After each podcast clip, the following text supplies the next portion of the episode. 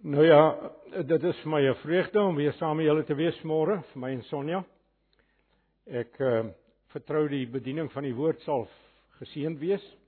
Ek gaan vir ons gedeelte lees uit Matteus 11. Ek gaan vir ons lees vers 20 tot 30. Ek gaan spesifiek kyk na vers 28 tot 30, maar terwyl van die konteks lees ons die die uh hele gedeelte. Vers 20 Toe het Jesus begin om die stede waarin die meeste van sy kragtige dade plaasgevind het te verwyd omdat hulle hulle nie bekeer het nie. Wie jou Gorasin, wie jou Betsaida. Want as die kragtige dade wat in julle plaasgevind het in Tyrus en Sidon gebeur het, sou hulle lankal in sak en as gesit en hulle bekeer het. Maar ek sê vir julle, vir Tyrus en Sidon sal dit op die oordeelsdag draagliker wees as vir julle. En jy Kapernaum sal sal jy tot die hemel toe verhoog word? Nee, jy sal na Hades afdaal. Want as Sodom die kragtige dade as daar in Sodom die kragtige dade plaasgevind het wat in jou plaasgevind het, sou dit bly staan tot vandag toe. Maar ek sê vir julle dit sal vir die gebied van Sodom op die oordeelsdag draagliker wees as vir jou. In daardie tyd is vers 25 het Jesus gesê ek loof u Vader Here van hemel en aarde dat u hierdie dinge vir slim en geleerde mense verberg en dit aan kindertjies bekend gemaak het. Ja Vader, want so het u dit goed gevind. Alles is deur my Vader aan my toevertrou en niemand ken die Seun nie behalwe die Vader en niemand ken die Vader nie behalwe die Seun en elkeen aan wie die Seun hom wil openbaar of wil bekend maak. Ekskuus, die ou vertaling sit nog hier in my kop. Vers 28. En dis dan nou spesifiek die woorde waarna ons gaan kyk vanmôre. Kom na my toe almal wat vermoeid en swaar belas is en ek sal julle rus gee. Neem my juk op julle en leer van my omdat ek sagmoedig en nederig van hart is. En julle sal rus vind vir julle gemoed want my juk is draaglik en my las is lig. Goed. Dit is dan die gedeelte waarna ons gaan kyk vanmôre. Maar uh kom ons bid net saam en ons vra die Here se seën op die bediening van sy woord. Ons Vader, dit is vir ons 'n heerlike voorreg om met groot vrymoedigheid in die naam van ons Here Jesus Christus voor U te kom. Ons dankie vir hierdie woorde van hom. Woorde waarin daar baie troos sit vir die kinders, maar ook ernstige vermaaning vir soveel mense wat hulle self as kinders van U beskou, soos die Fariseërs en die skrifgeleerdes destyds. Ons wil vra Here ons God dat een en elkeen van ons hierdie kardinaal belangrike woorde van u, hierdie uitspraak van u vanmôre sal verstaan en op onsself van toepassing sal maak en onsself daarin sal meet. Ons Vader, en in die besonder wil ek bid dat u ook die bediening dan van die woord sal seën in die sin dat u ook vir my sal verlig en sal toerus om tot eer van u heilige naam en in die besonder tot eer van die Here Jesus Christus vanmôre die woord hier te bedien. Mag u gemeente opgebou word in die allerheiligste geloof asseblief. Ons dankie dat ons dit met vrymoedigheid en met verwagting van u kan vra. Amen. Amen. Terwyl ek die amen so beklemtoon, wil ek tog vir julle sê, gaan kyk 'n bietjie in die Heidelbergse katekismes wat beteken amen en gee aandag daaraan. Dis 'n baie belangrike deel van 'n mens se gebed. Nou as Matteus 28 se groot opdrag gaan gaan dan en maak disippels van die al van al die nasies. Ekskuus julle, ek ek ek gebruik die 2020 maar die ander vertel, ouer vertaling sit nog in my kop. Ehm uh, as dit die groot opdrag is, gaan dan en maak disippels van al die nasies dan sou ek sê dat Matteus 11 vers 28 tot 30 wat ons sopas gelees het, die Here Jesus se groot uitnodiging is. vers 25 tot 27. Nou uh in die besonder dan nou vers 25 en 27 sal julle sien dit handel oor die Here Jesus se goddelikheid. Ehm uh, nee, dit is vers 20 tot 24 beklemtoon hy sy mandaat, ekskuus julle. Uh hy beklemtoon sy mandaat om hierdie uitnodiging te rig en sy gesag om dit te doen. Nou dis 'n ryk gedeelte waarna ons eintlik moes gekyk het, maar terwyl van die tydsbeperking kan ons dit nou nie doen nie. Maar die punt is wat hy vir ons sê is ons kan pyl trek op hierdie gesag van hom en hierdie woorde van hom wat hy dan nou verder gaan uitspreek. Ek wil hê ons moet in die besonder kyk na vers 28 tot 30, die groot uitnodiging. Nou in die eerste instansie moet julle sien hierdie uitnodiging word gerig tot almal tot almal en niemand is uitgesluit nie. En dis kardinaal belangrik vriende dat ons ehm uh, dit sal in ag neem. Jy weet ons as gereformeerdes met 'n klein lettertjie G gespel is baie sterk ingestel by uitverkiesing en die beperkte of nie die beperkte nie toegespitste genade van ons Here Jesus Christus. Maar ons moet nooit vergeet nie dat die uitnodiging wat hier gerig word aan alle mense gerig word sonder enige uitsondering. Sonder enige uitsondering. Niemand is uitgesluit nie. Ehm um, nou dis 'n uh, wesensbelangrike kwalifikasie wat ek nou vir julle gesê gegee het. Die ehm um,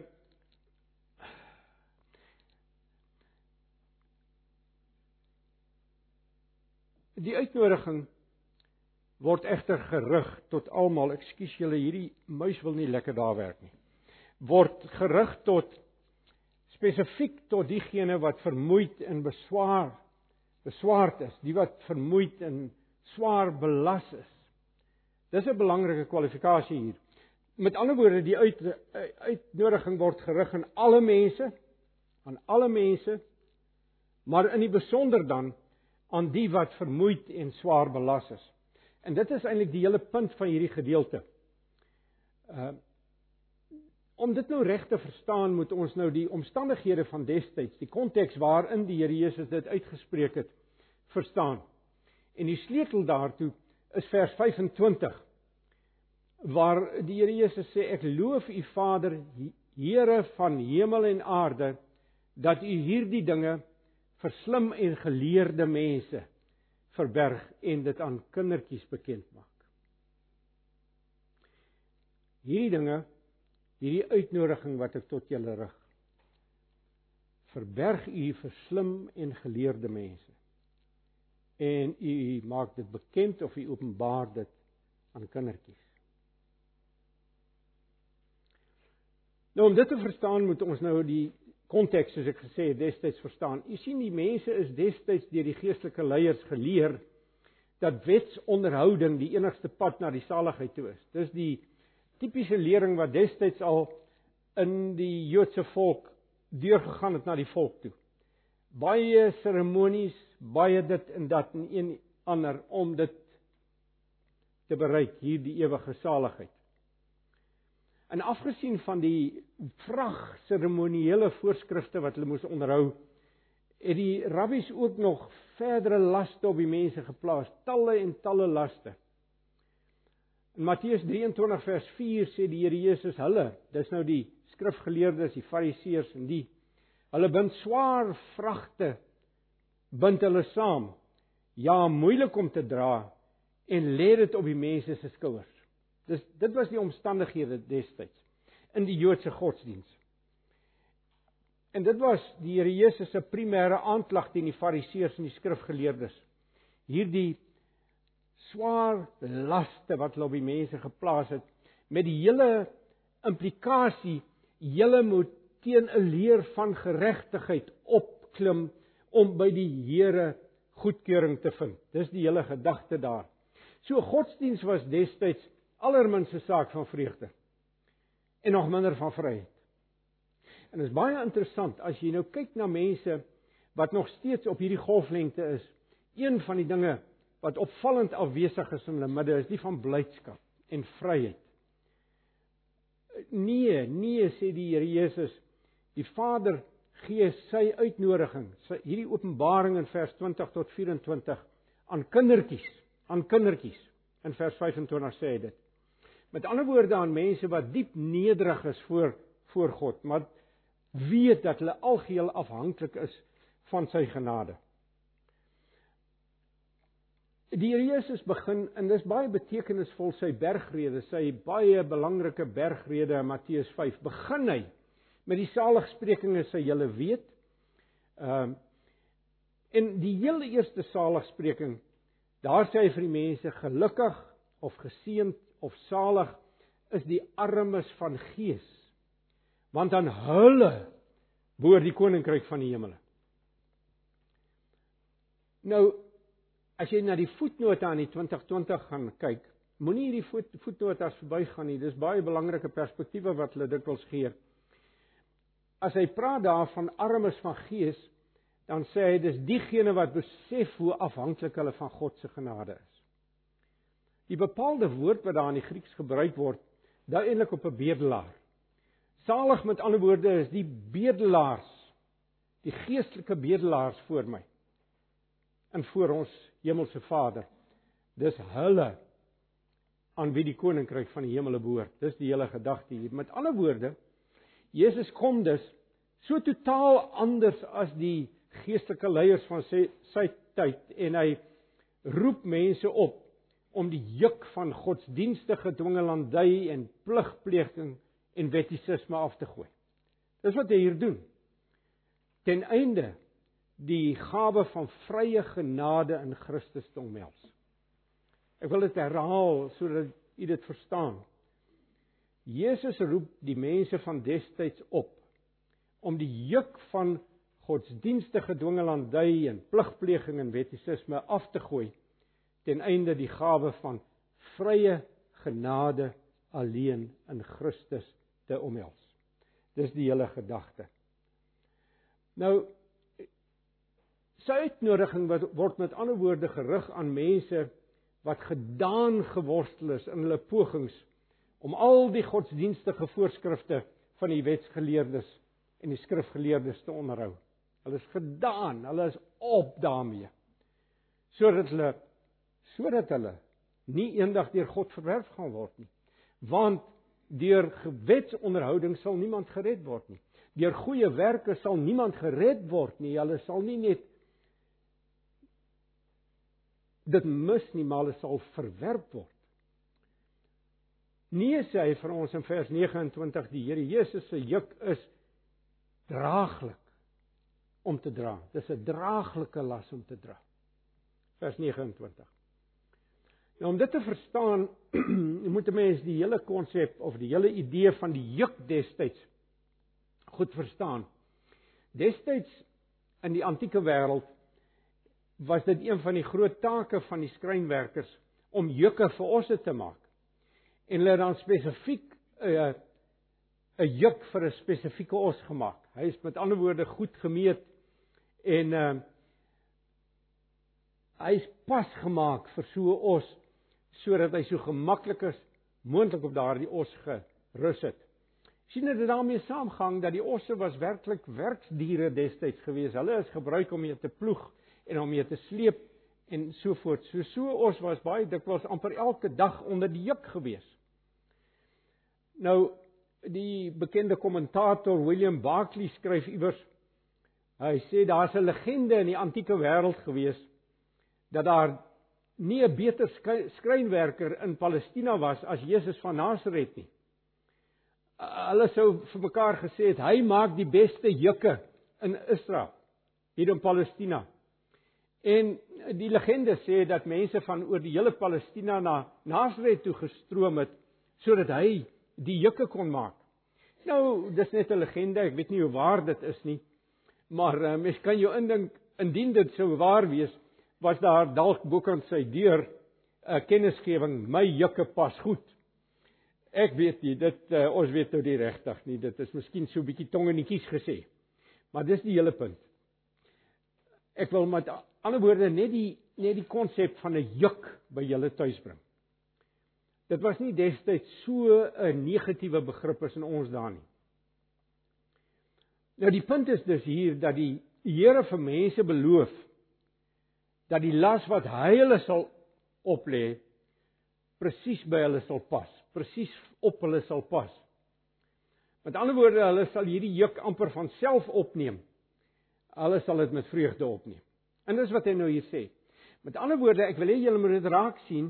Hy die evangelie wat hy verkondig is radikaal anders as die godsdiens van die skrifgeleerdes en die fariseërs. En dit was een van die grootste enkele wrywingspunte tussen hom en die skrifgeleerdes. Want hy het met hierdie amper goedkoop evangelie kan ek my indink het hulle dalk gesê, het hy nou gekom. Waar is die werke? Waar is die inspanning? Waar is die swaar kry? Waar is die wetse onderhoude? Nee nee sê hy, die juk wat ek op mense plaas, pas goed. Dit pas presies. Jy sal dit amper van self opneem met vreugde.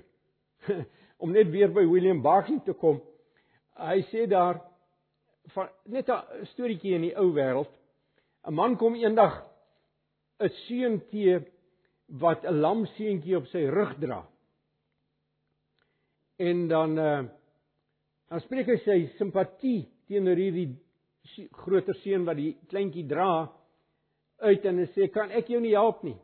Ek kry jou jammer man. Hy sê nee oom. Uh ek geniet dit om hom te dra. Ek kan dit goed doen. Nou maar hoekom geniet jy dit? Oom dis dan my boetie die. Dis die hele gedagte. Dis dan my boetie, hoe kan ek dit nie geniet om hom te dra nie? Is vir my 'n voorreg. En dis die hele gedagte wat William Barclay nou, as ek kom hierdie illustrasie gebruik, uh sê dit is die hele gedagte wat die Here Jesus by die mense wou tuisbring. As hy praat van 'n juk, dan is dit 'n saak van vreugde. Nou, ek gaan vanmôre kort wees. Wat sê dit nou vir ons? Wat sê dit nou vir ons? In die eerste instansie is tog voor die hand liggend nou die pad van redding, die pad van Christendom is nie 'n pad van godsdienstige dwingelandy nie. Nee, nee, nee. Ehm um, in 'n sin is die Christelike lewe nie 'n lewe van godsdienstigheid nie. In 'n sin, ek sê dit gekwalifiseer. Die Engelse gebruik 'n woord religiosity, religiosity. Dis nie dis soos mense godsdiens verstaan.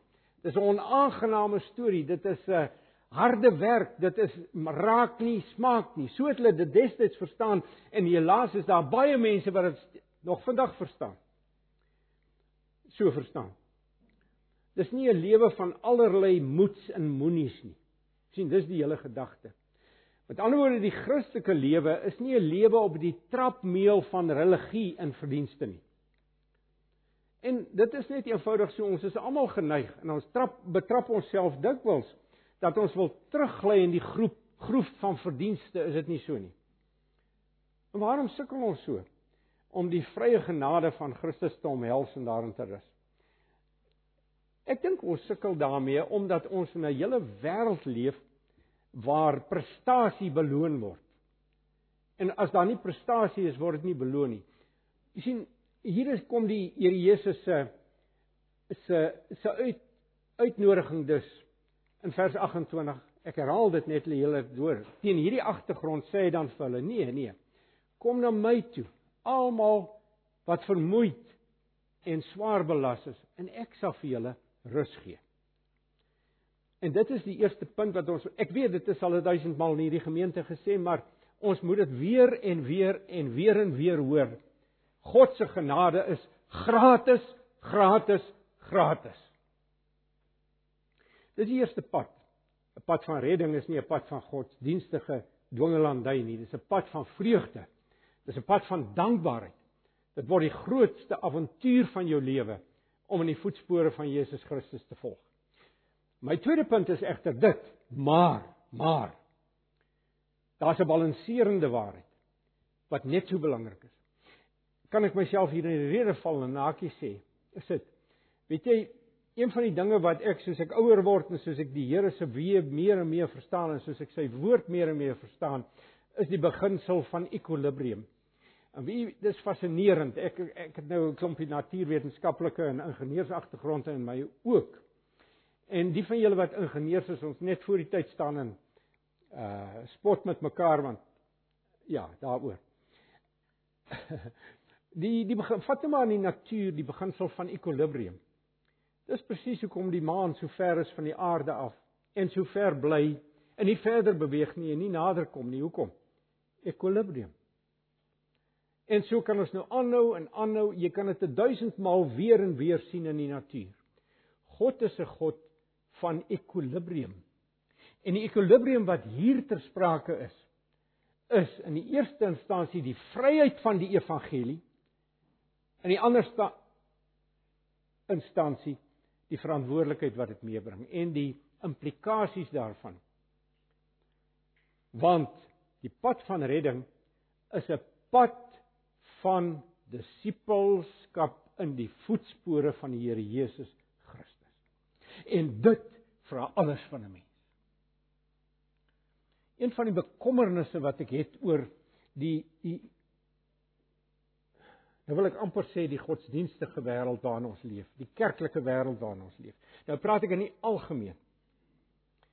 Is die losbandigheid van mense wat sê hulle is Christene, bedoelende hulle losbandigheid in die sin dat hulle wêreldgelykvormig is, dat hulle hulle self eenvoudig alles gaan en dat daar uiteindelik so min onderskeid is tussen hulle en die mense van die wêreld.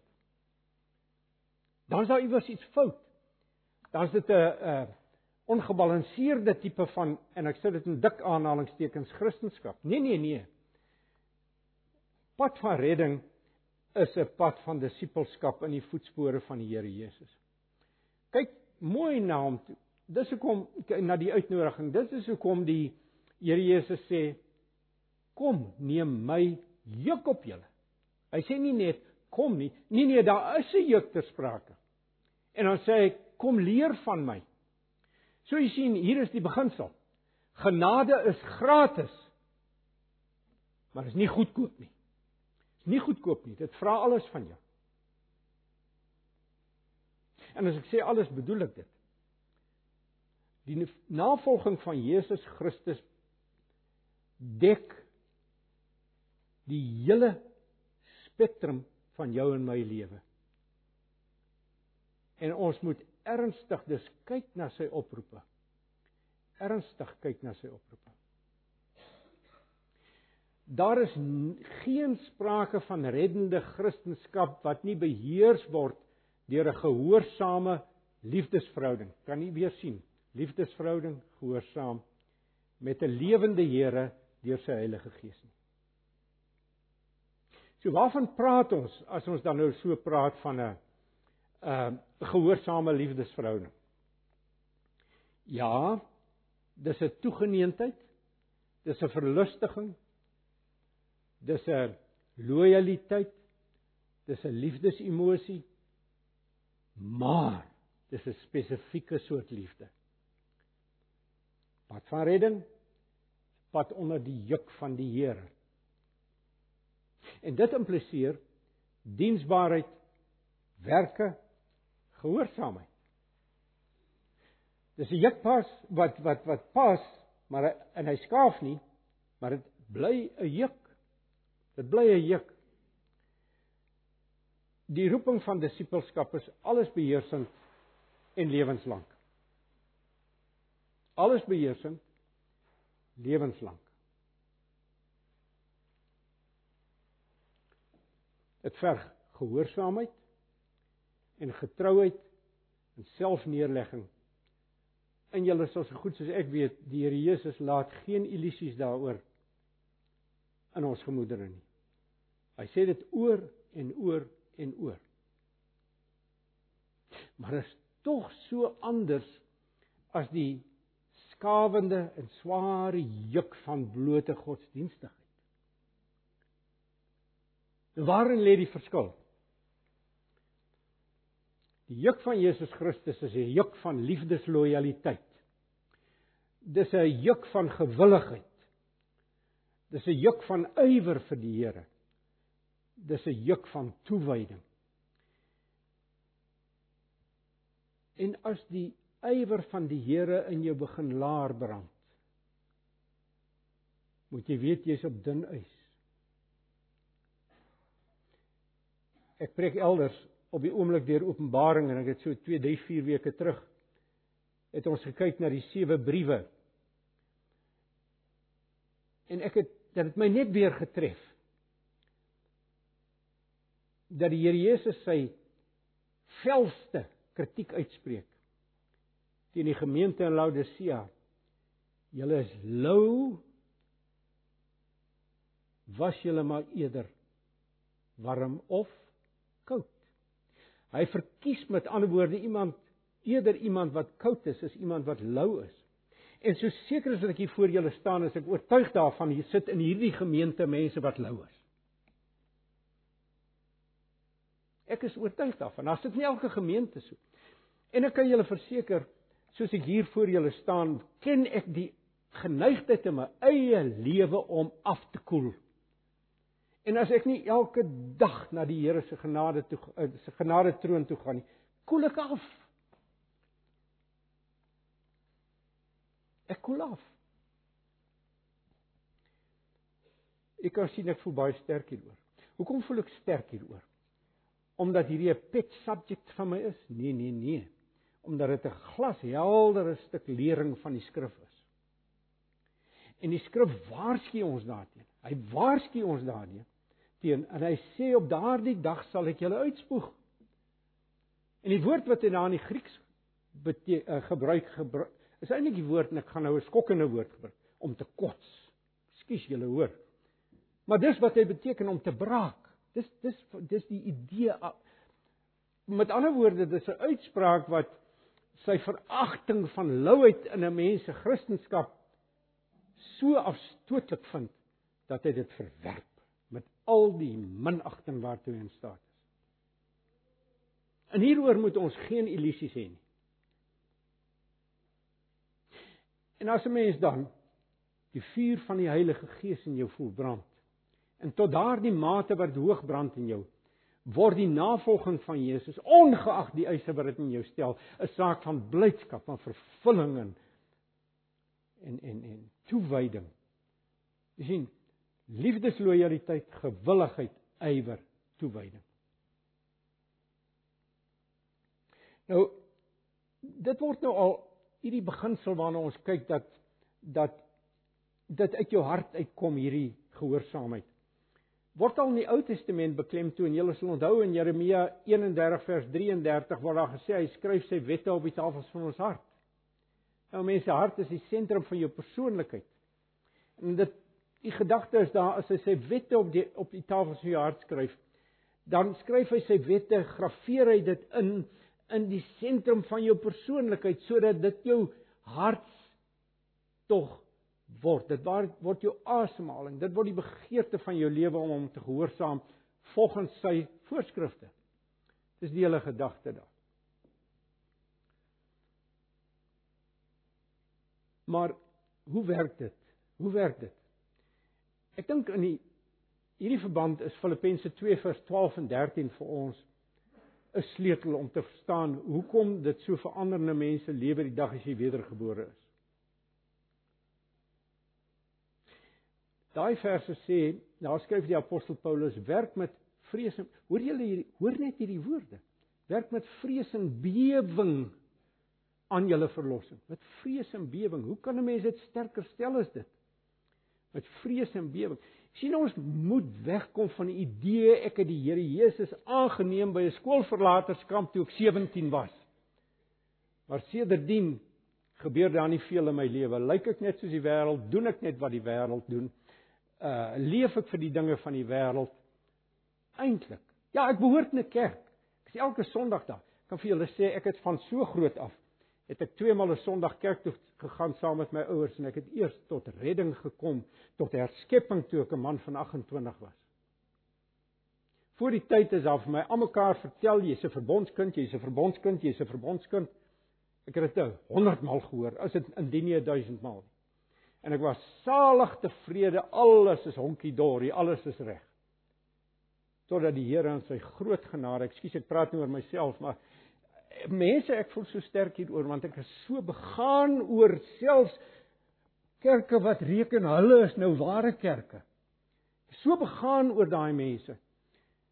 Totdat die Here in sy genade in die berge van die Boland, waar ons 'n groot dam gebou het, my begin oortuig het van sonde. Soewerein het ek weet nie van waar dit ek weet van waar dit gekom het, maar destyds het ek nie geweet waarvan af kom dit nie. Maar ek het net skielik begin besef hierdie verbondskind is 'n sondaar. En dit was nie lank toe ek begin besef het maar hierdie verbondskind is nie gered nie. En dit het erger en erger en erger. Ek jok nie vir julle as ek vir julle sê en dit is nou amper 50 jaar terug. Ek dank dank amper elke tweede dag die Here vir wat daar gebeur het by Lakenvlei Dam in die berge. Ek het baie aande tot 10uur 11uur daar sit bo in die berg sit, nie bo nie, maar en bokant. Ek het 'n klip gehad waarop ek altyd sit en bid het. Ek dank die Here nou nog daarvoor. Hoekom? Want uiteindelik toe ek na 18 maande in Christus ingevlug het, in die diep bewussyn ek is nie gered nie. Ek is nie gered nie. Ek was 'n diaken in hoeveel gemeentes? Ek was skaars in 'n nuwe gemeente dan is hierdie vroom ouetjie wat elke Sondag met sy vrou en sy kinders in die kerk sit. Man, dis diaken materiaal hierdie. Dan as ek op die kerkraad. Ongered. Ekskuus julle. Oh, maar as julle weet hoe sterk ek hieroor voel. En as julle my met klippe wil gooi, doen dit. Werk met vrees en bewering aan julle verlossing want want redegewende voegwoord. Ja redegewend. Hy hy wat die gewilligheid en die optrede in julle bewerk soos hy dit goed vind is God. Is die Here wat dit doen en let op hierdie woorde die gewilligheid die gewilligheid. Soos 'n ou neger gesê het, God fixes your wanter. He fixes your wanter. Hy werk 'n gewilligheid, 'n nuwe 'n nuwe ywer. Ek wil U ken, Here, ek wil U gehoorsaam, ek wil U dien. Maar let op, hy werk ook die optrede in jou. Soos hy dit goed vind. Hy is God. Hy roep jou nooit op nooit nooit op 'n pad sonder om eers vooraf die redelikheid van daardie roeping en die begeerte daarna in jou te bewerkstellig.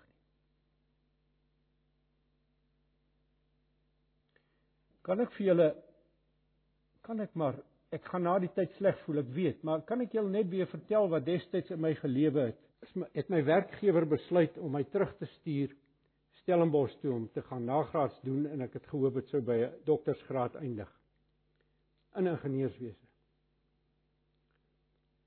En dit moes ek afstand van doen toe die die dag vir die Here sê van hierdie dag af sal U my koning wees. Ekskuus ek praat oor myself. Ek gaan ek gaan sleg voel daaroor, ek weet, maar dit is nou op my hart. Dis ek moet so sterk voel oor hierdie goed. U sal my koning wees, Here. En die een van die eerste goed wat ek moes doen was om vir my werkgewer 'n brief te skryf. Toe het ons nog briewe geskryf. Te sê ek is jammer. En dit was vir my verskriklik dat dit uit my het geskeur want ek was verteer deur ambisie op te klim, op te klim, op te klim deur die teen die leer en ek het akademiese ambisies gehad ensovoorts en dit was vir my wonderlik toe hulle sê met volle salaris. Dink net daaraan. Was dit vir my moeilik? Uiteindelik is die pad soontoe was uiters moeilik. Maar weet julle, die dag toe ek dit gedoen het, was my hele hart in my oorgawe. Vat ek roem, roem ek nou vanmôre? Nee, nee, nee. Dis die Here wat in my gewerk het om te wil sowel as om te werk na sy welbehae. Ja, in die begin mag jy bang wees. Jy mag beangs wees selfs om jou voete op hierdie pad te sit. Maar altyd sal dit saamhang, hierdie beginsel, met jou eie begeertes en jou eie besluite. My laaste punt wat ek wil tuisbring is, hoe sal ek weet op watter pad die Here my lei? Hoe sal ek nou weet op wat watter pad hy my lei? Want ek wil nie impliseer elke persoon wat hierdie oorgawe maak moet nou gaan 7 jaar teologie swat op potjie of wat ook al nie. Nee nee, glad nie. Hy lei elkeen van ons op 'n unieke pad, op 'n duisend verskillende paaie, want hy het 'n plan vir elkeen van ons, 'n unieke pad. Nou daar's 'n kort antwoord, hoe sal ek weet?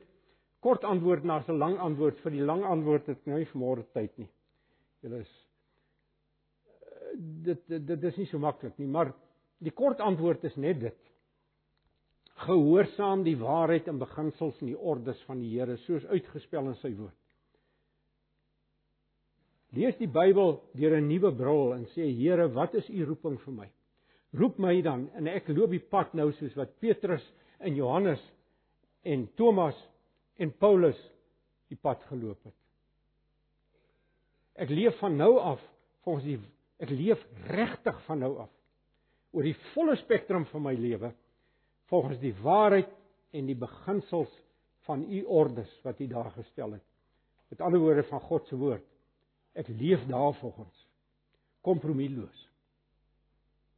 Ek gaan alles doen wat U my beveel. Ek gaan alles vermy wat U my verbied. Hoe doen 'n mens dit? Wel, ken die woord. Moet die woord lees. Ken die woord. Maak erns met die Here se wet. Weet die 10 gebooie is kardinaal belangrik vir ons met al die implikasies wat die res van die veral die Nuwe Testament uitspel. Dink 'n bietjie daaroor. Waarom het die Here dit die Here God dit met sy eie vinger in kliptafels geskryf? Omdat dit onbelangrik was? Nee, nee, nee.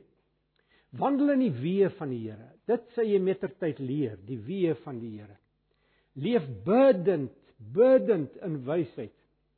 En sy gees sal in jou werk om te wil sowel as om te werk. Daarvoor sal elkeen in hierdie saal wat hiervan ervaring het vir jou 'n brief gee. Hy sê jou verlig en hy sê jou lei en hy sê jou toerus en jou lewe sal nooit weer dieselfde wees. As jy vra wie se juk dra jy? Wie se juk dra jy? Soos jy nou hier voor my sit soos ek, soos ons saam is in hierdie saal. Is jou juk swaar? Of is hy lig? Dis die eerste merkteken. Is hy swaar of is hy lig? Skaaf hy of pas hy perfek? Nou mag hier mense vanmôre teenwoordig wees wat sê ek dra geen juk nie. Ek dra geen juk, juk se agterin. Nou as jy dit sê, dan is jy op die verkeerde pad, my vriend. Jy's op pad na die verderf toe. Daar's nie 'n ander pad nie, jy's op pad hel toe. Maar hierdie uitnodiging kom nou weer na jou toe vanmôre. Kom na my toe. Neem neem my juk op en leer van my. Met ander woorde, dis die uitnodiging. Skuif onder die gemaklike juk van Jesus Christus. Kom. Jy kan hom vertrou. Dis 'n oop uitnodiging. Dis 'n oop uitnodiging. Hier's niemand hier wat diskwalifiseer wat nie kwalifiseer vir hierdie uitroep nie of hierdie oproep nie. Ander van julle sal sê ja, ja, ek is ernstig oor my godsdiens. Maar my juk is swaar en dit skaaf my maar. Nie moet ons nou eerlik wees, skaaf jou juk nog. Is hy swaar?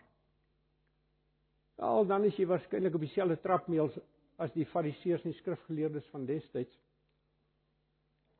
En ek dink nie ons gaan hulle in die saligheid sien nie. Daarvoor was die Here Jesus te eksplisiet in sy oordeel daarvan. Gaan lees weer Matteus 23. Maar ook vir jou geld hierdie groot uitnodiging waarna ons môre gekyk het. Kom skuif onder die sagte juk van die Here Jesus in. Dis 'n oop uitnodiging. Dis 'n oop uitnodiging. Hou op met jou godsdienstigheid. Klim van die trapmeel af. Kom, gee jou lewe boots and all, sak en al oor aan die Here en sê Here, hier is ek. Vandag is ek tot u beskikking. Van hierdie dag af is ek in u soewereine hand soos klei, vorm my net soos U wil, lei my net waar U wil. Nou sien ek 'n paar bejaardes hier voor my sit. Dis nie verby nie. Dis nie verby nie. Alles kan nog vandag verander. En as jy ander en ek vertrou dis hier verder verre verre weg die meerderheid hier wat kan sê my juk pas perfek. En jy bedoel dit eerlikheid. Jy bedoel dit want jy ken dit proef ondervindelik. Jy ken hierdie belofte van die Here Jesus proef ondervindelik. Wel, dan bemoedig ek jou vanmôre, jy's 'n geseënde van die Here, jy's 'n begenadigde. Hou net aan op hierdie pad in volhard. Die wendeling wag. En aan die ander kant die wendeling is alloon. Hou net aan. En dis wat ek vanmôre met julle wou deel. Kom ons bid saam. Onse Vader, ons kom voor U in die naam van die Here Jesus Christus. Met vrymoedigheid. En as ek sê ons, dan bedoel ek nou die ons wat inderdaad in Christus is.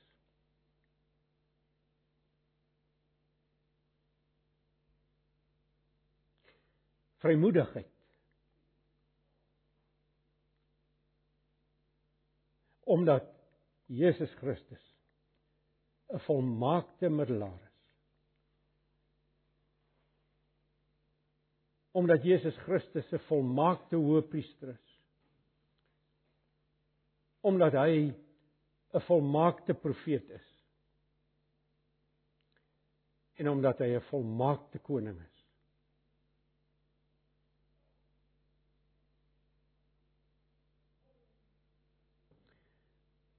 Here my God, bewaar ons daarvan dat ons onsself sal mislei, onsself sal bedrieg. Onsself sal wys maak dat ons in Christus is terwyl ons nie is nie. En nou praat ek baie in die besonder ook oor mense, jong mense wat hier sit.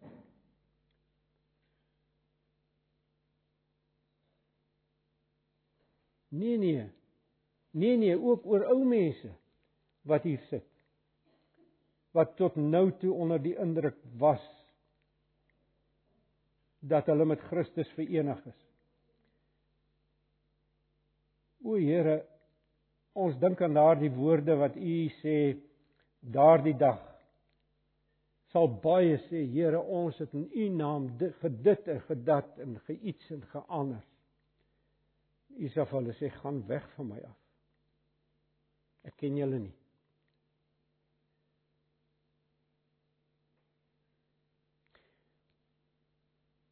Maar Here, ons vra dat U ook die van ons wat U juk ken.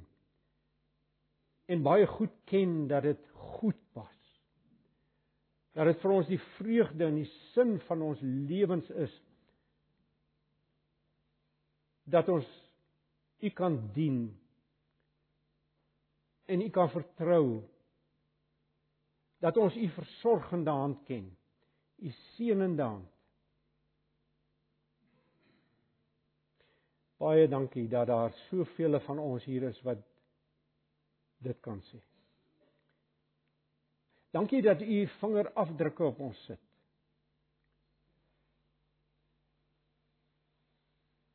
Dankie dat ons dit in mekaar kan sien. Maar bovenal dank ons u vir 'n volmaakte verlosser. Die Here Jesus Christus is die Alfa en die Omega van ons lewens. En selfs die liefde wat ons vir hom ervaar, hierdie alles beheersende liefde, weet ons. Dit is U wat dit in ons werk deur die Heilige Gees. En as ons hom dan dien, is dit u wat die wil en die begeerte daartoe in ons werk. En daarom kan ons met groot vrymoedigheid en vertroue en afwagting weer eens vir die 10000ste keer vanmôre sê Here, hier is my lewe, hier is my hart.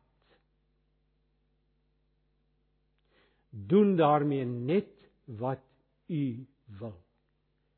Ek vertrou u meer as wat ek myself vertrou. Want wat u vra sal u voorsien.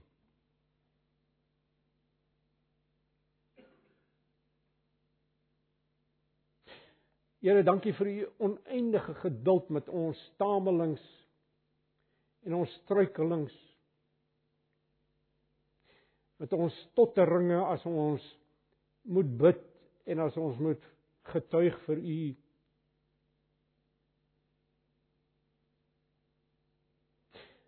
Maar dankie vir u sagte hand op ons. Dankie vir die juk wat u op ons geplaas het wat so gemaklik sit dat ons dit beswaarlik agterkom dat dit ons vreugde is. Baie baie dankie daarvoor. Ons prys U naam. Ag Vader, ons sou heeldag kon aanhou. Ons vra dat U ons nou sal seën as ons die maaltyd wat die Here Jesus ingestel het nuttig versterk ons geloof as ons deel het aan die brood en aan die beker aan die vlees en aan die bloed van die Here Jesus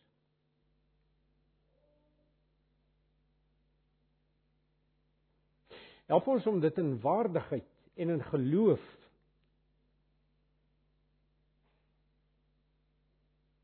te nuttig En asseblief sal u tog diegene wat nie kwalifiseer vir hierdie maaltyd nie.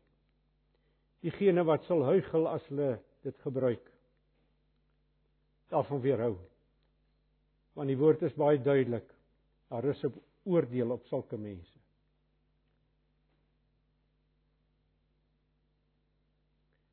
Mag hierdie genademiddel wat u voorsien het, die tafel van die Here vanmôre vir ons tot groot troos en bemoediging en versterking wees.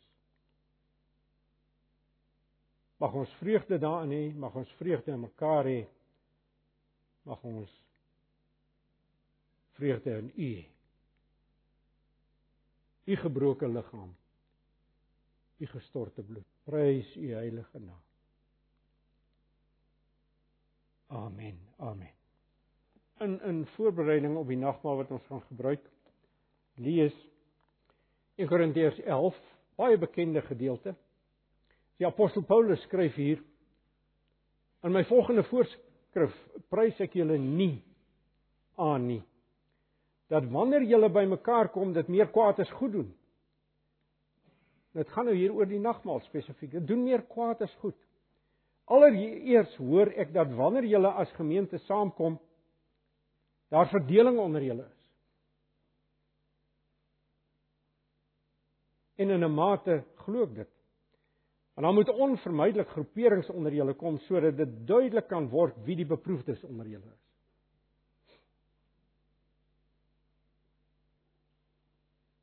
Met ander woorde, dit kom hierop neer om dat dit duidelik sal word wie gered is en wie nie gered is nie. Vers 20: Wanneer julle saamkom, is dit nie werklik om die Here se maaltyd te eet nie, want elkeen gaan voort om sy eie maaltyd te eet en een bly honger en 'n ander word dronk. Dit gaan hier daaroor dat dit was werklik 'n liefdesmaal in die vroeë kerk. Dit was 'n liefdesmaal. Dit was meer as baie meer as selfs dit wat ons nou maar vanmôre gaan doen en as wat feitelik alle gemeen, dit was 'n totale 'n totale maaltyd saam eet wat afgesluit is met die brood en die beker. En daarom hierdie hierdie vermaning van hom. Hy sê in vers 22: "Julle laat nie huise waar julle kan eet en drink nie, of minag julle die gemeente van God en verneder julle diegene wat niks het nie. Wat kan ek vir julle sê? Sal ek julle prys? Vir hierdie saak prys ek julle nie. Ek het van die Here ontvang wat ek ook aan julle oorgelewer het. Die Here Jesus het nie nag waarin hy verraai is brood geneem En nadat hy die seëngebed uitgespreek het, het hy dit gebreek. en gesê: "Dit is my liggaam ter wille van julle. Doen dit om my in herinnering te bring." En so ook met die beker na die ete met die woorde: "Hierdie beker is die nuwe verbond deur my bloed." Doen dit so dikwels as wat julle daai drink om my in herinnering te bring. Want so dikwels as wat julle hierdie brood eet en uit hierdie beker drink, verkondig julle die dood van die Here totdat hy kom. En daarom vers 27 Wie op onwaardige wyse die brood eet of uit die beker van die Here drink, sal skuldig wees teenoor die liggaam en die bloed van die Here. Maar laat elkeen homself ondersoek en daarvolgens van die brood eet en uit die beker drink. Daarvolgens, met ander woorde, na aanleiding van wat hy vind toe hy homself eerlik ondersoek het voor die aangesig van die Here, dat hy dan daarvolgens, met ander woorde, in geloof vir dit waarvoor die brood en die beker staan, dit nuttig. Want hy weet, hy het homself in eerlikheid ondersoek en hy weet dat hy in Christus is en hy weet dat sy lewe en sy lewenswyse en sy lewenstyl in harmonie is met die oproepe van disippelskap wat die Here Jesus gerig het.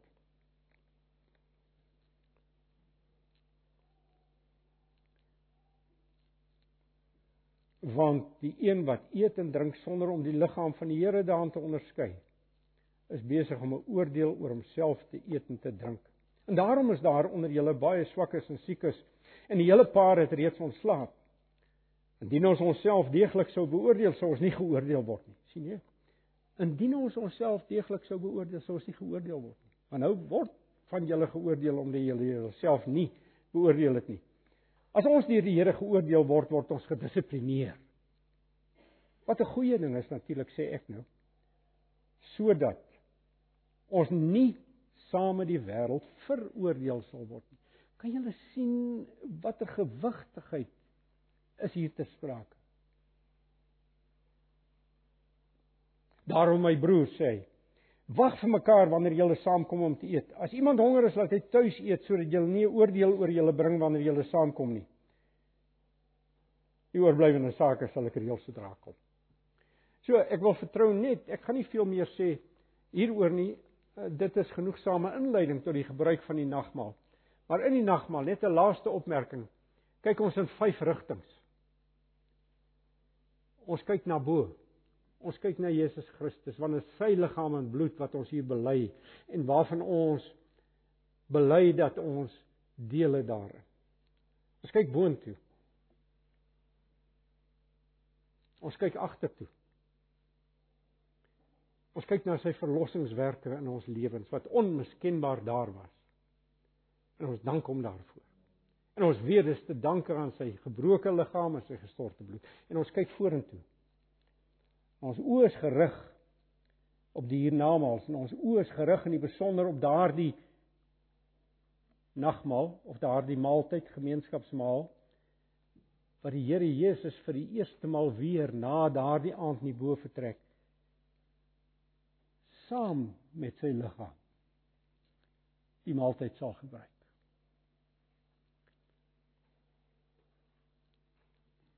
En ons kyk na die wêreld om ons en ons sien ons roeping raak. En ons kyk na onsself net weer, na ons binneste.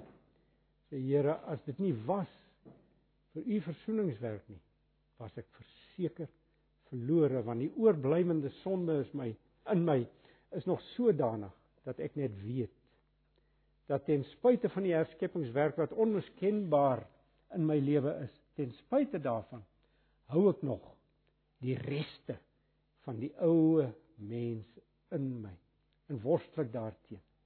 Help my asseblief. Dis dis wat ons bely as ons die nagmaal. Ons bely Jesus Christus die gekruisigde. Wat die Here Jesus het die brood geneem en gebreek. Dis sy liggaam sê hy wat gebreek het. En daarom eet ons daarvan. Ons eet van hom, ons eet van sy liggaam. Ons ons bely daar daarmee Here ek het deel aan U. Ek is ek het so deel aan U dat dit is asof ek deel is van U liggaam. En nou praat ek nie net van die gemeente nie, maar van U self. Kan ek dit plat uitdruk in respek asof ek deel is van U lyf. Ek is ek is een met U.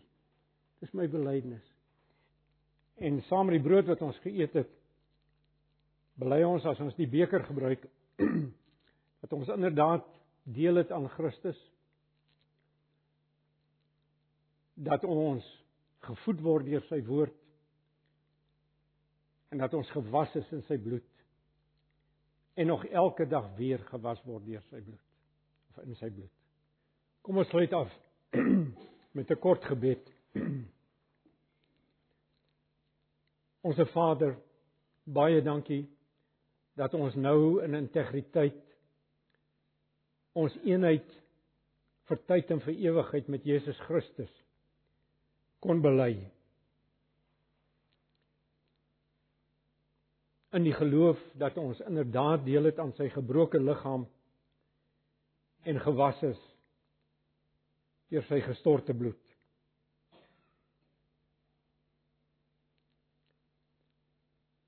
Ons prys U vir U genade in ons lewens. Ons prys U vir Jesus Christus se volkomme soenverdienste en vir die ewige implikasies wat dit vir ons inhou. Dankie dat ons dit as begenadigdes kom doen in hierdie oggend. Verdaag ons dan nou vol van u vrede. Mag nou die genade van ons Here Jesus Christus en die liefde van God ons Vader en die gemeenskap van die Heilige Gees met elkeen van u kinders wees. Hierdie dag en in hierdie week wat voorlê tot eer en verheerliking van u heilige naam. Totdat ons weer saam is. Amen. Amen.